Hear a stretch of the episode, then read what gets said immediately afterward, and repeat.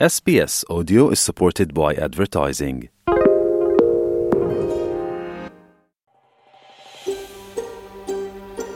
លោកអ្នកនៅជាមួយ SPS ខ្មែរស្វែងរកដឹងដៅអស្ចារ្យជាច្រើនទៀតនៅលើ SPS.com.au/ ខ្មែរ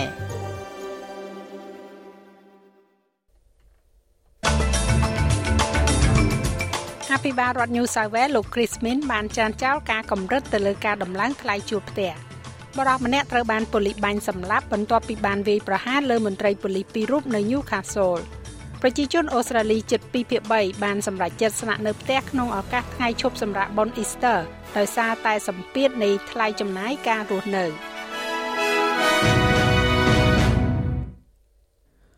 លោក Chris Minns អភិបាលរដ្ឋ New South Wales បានច្រានចោលការកម្រិតទៅលើការដំឡើងថ្លៃជួលផ្ទះ ដោយថ្លែងអំពីការកើនឡើងនៅថ្លៃជួលនៅទូទាំងតំបន់ Greater Sydney លោក Mins បាននិយាយថាលោកមិនអាចបង្កើតអភូតហេតុបានទេ លោកបាននិយាយថាលោកនឹងផ្ដោតទៅលើការផ្គត់ផ្គង់ជំនួសវិញហើយបានប្រាជ្ញាថានឹងបង្កើតលំនៅឋានបន្ថែមទៀតដោយអះអាងថាវិបត្តិនេះបានបន្តអស់រយៈពេលជាច្រើនឆ្នាំមកហើយហើយលោកមិនអាចផ្ដល់ដំណោះស្រាយរយៈពេលខ្លីបានទេ។ លោក Joel Dingman គឺជានាយកប្រតិបត្តិនៃ Better Renting មានប្រសាសន៍ថា លោក Chris Mins ត្រូវតែធ្វើការងារបន្ថែមទៀតដើម្បីជួយដល់អ្នកជួលក្នុងរយៈពេលខ្លី។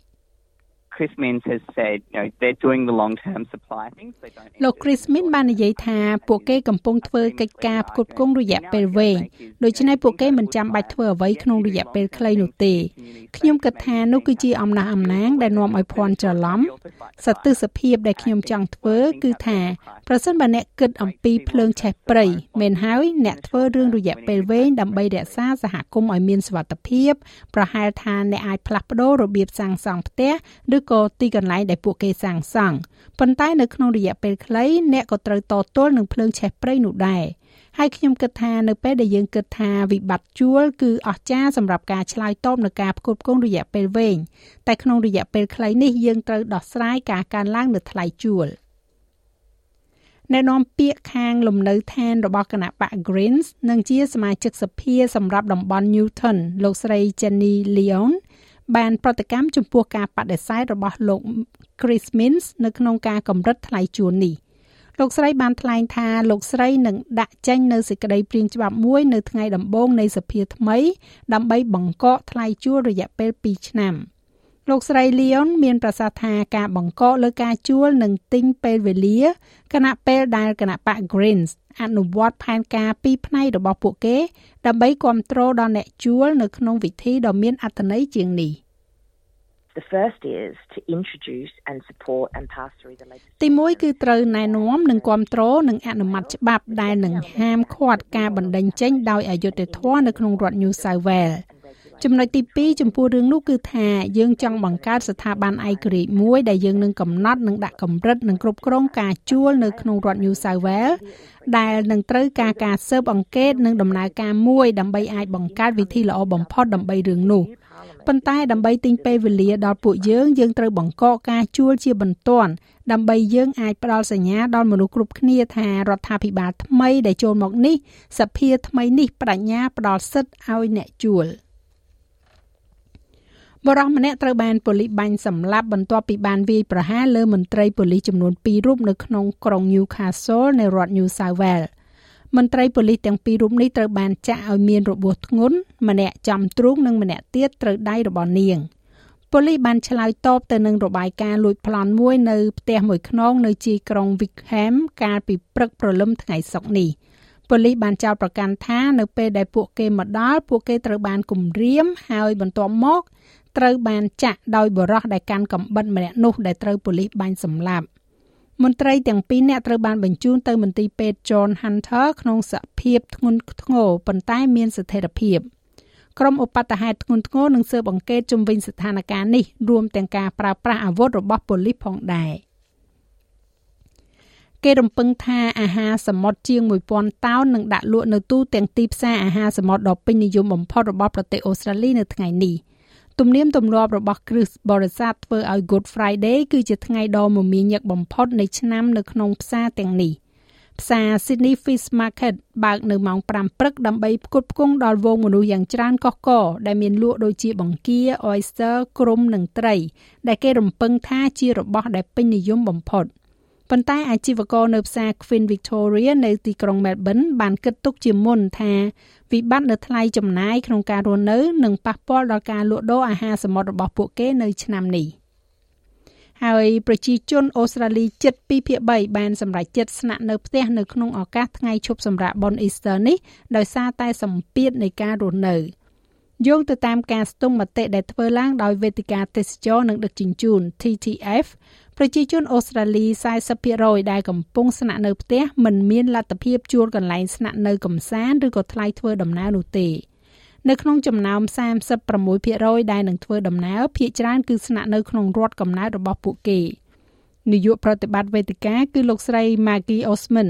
មានប្រសាសន៍ថាវាគឺជាស្ថានភាពគួរឲ្យបារម្ភសម្រាប់ប្រតិបត្តិការទេសចរដែលនៅតែតស៊ូនៅក្នុងការងើបឡើងវិញពីរោគរាតត្បាត COVID The really important part about this is while things are a lot better ផ្នែកសំខាន់នៃរឿងនេះគឺខណៈពេលដែលអ្វីអ្វីមានភាពប្រសើរជាងកាលពី12ខែមុន បញ្ហាថ្លៃចំណាយនៃការរស់នៅនេះពិតជាមានឥទ្ធិពលដល់ឧស្សាហកម្មនេះ ឧស្សាហកម្មបានងើបឡើងវិញហើយហើយវាលឿនពេកសម្រាប់ឲ្យនរណាម្នាក់និយាយថាឧស្សាហកម្មទេសចរបានងើបឡើងវិញទៅហើយនោះយើងនឹងងាយរងគ្រោះដោយឡែកប្រសិនបើមានការធ្លាក់ចុះយ៉ាងខ្លាំងនៅក្នុងការធ្វើដំណើរក្នុងស្រុកព្រោះថាយើងនៅតែមិនទាន់មានអ្នកដំណើរអន្តរជាតិត្រឡប់មកវិញនៅក្នុងកម្រិតដែលយើងត្រូវការនោះទេ នៅឯប្រទេសកម្ពុជាវិញគោជបបានប្រកាសពីការបង់ប្រាក់តម្កល់ចំនួន15លានរៀលដែលគណៈបកនយោបាយត្រូវបង់តាមការកំណត់ ដើម្បីអាចចូលរួមចុះឈ្មោះដាក់បេក្ខជនប្រកួតប្រជែងការបោះឆ្នោតជ្រើសតាំងតំណាងរាស្ត្រនីតិកាលទី7នៃរដ្ឋសភា។ ប្រតិទិនរបស់កោជបបង្ហាញថាការចុះបញ្ជីគណៈបកនយោបាយឈោឈ្មោះបោះឆ្នោតនិងបញ្ជីបេក្ខជននៅកោជបមានរយៈពេល15ថ្ងៃចាប់ពីថ្ងៃទី24ខែមេសាដល់ថ្ងៃទី8ខែឧសភាឆ្នាំ2023ហើយការបោះឆ្នោតជាតិនេះនឹងធ្វើឡើងនៅថ្ងៃទី23ខែកក្កដាឆ្នាំ2023 ចាលោកមេងផល្លានឹងជូនសេចក្តីរាយការណ៍លម្អិតនៅវគ្គក្រោយជាបន្តទៀតឬក៏លោកអ្នកអាចចូលស្ដាប់របាយការណ៍ពេញនៅលើគេហទំព័ររបស់យើងនោះគឺ sps.com.au/ ខ្មែរ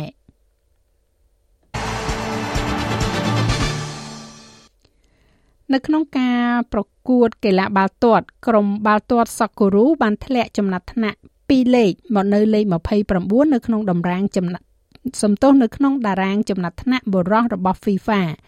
ក្រុមរបស់លោក Graham Arnold ដែលស្ថិតនៅក្នុងចំណាត់ថ្នាក់ទី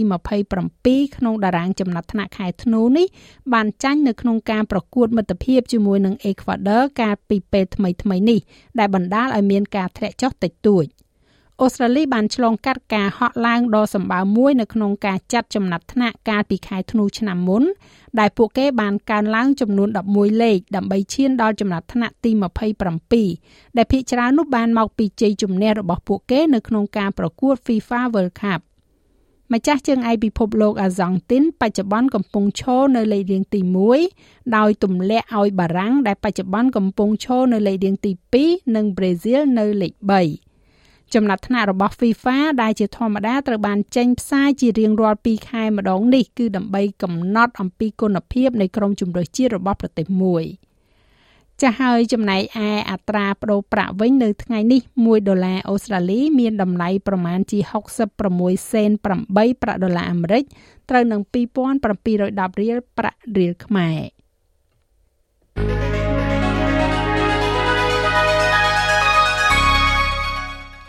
ឥឡូវយើងក៏លេខមកមើលការព្យាករណ៍អាកាសធាតុសម្រាប់ថ្ងៃសៅរ៍ស្អែកនេះវិញ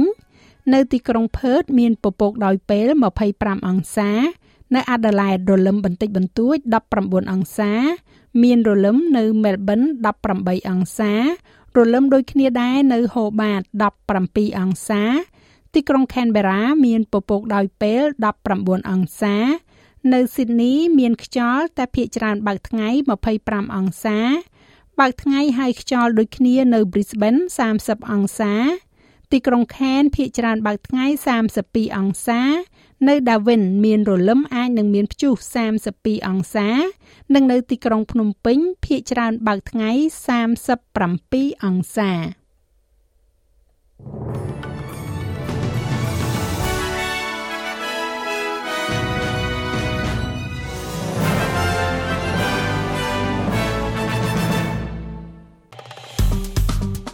ចុច like share comment និង follow SPS ខ្មែរនៅលើ Facebook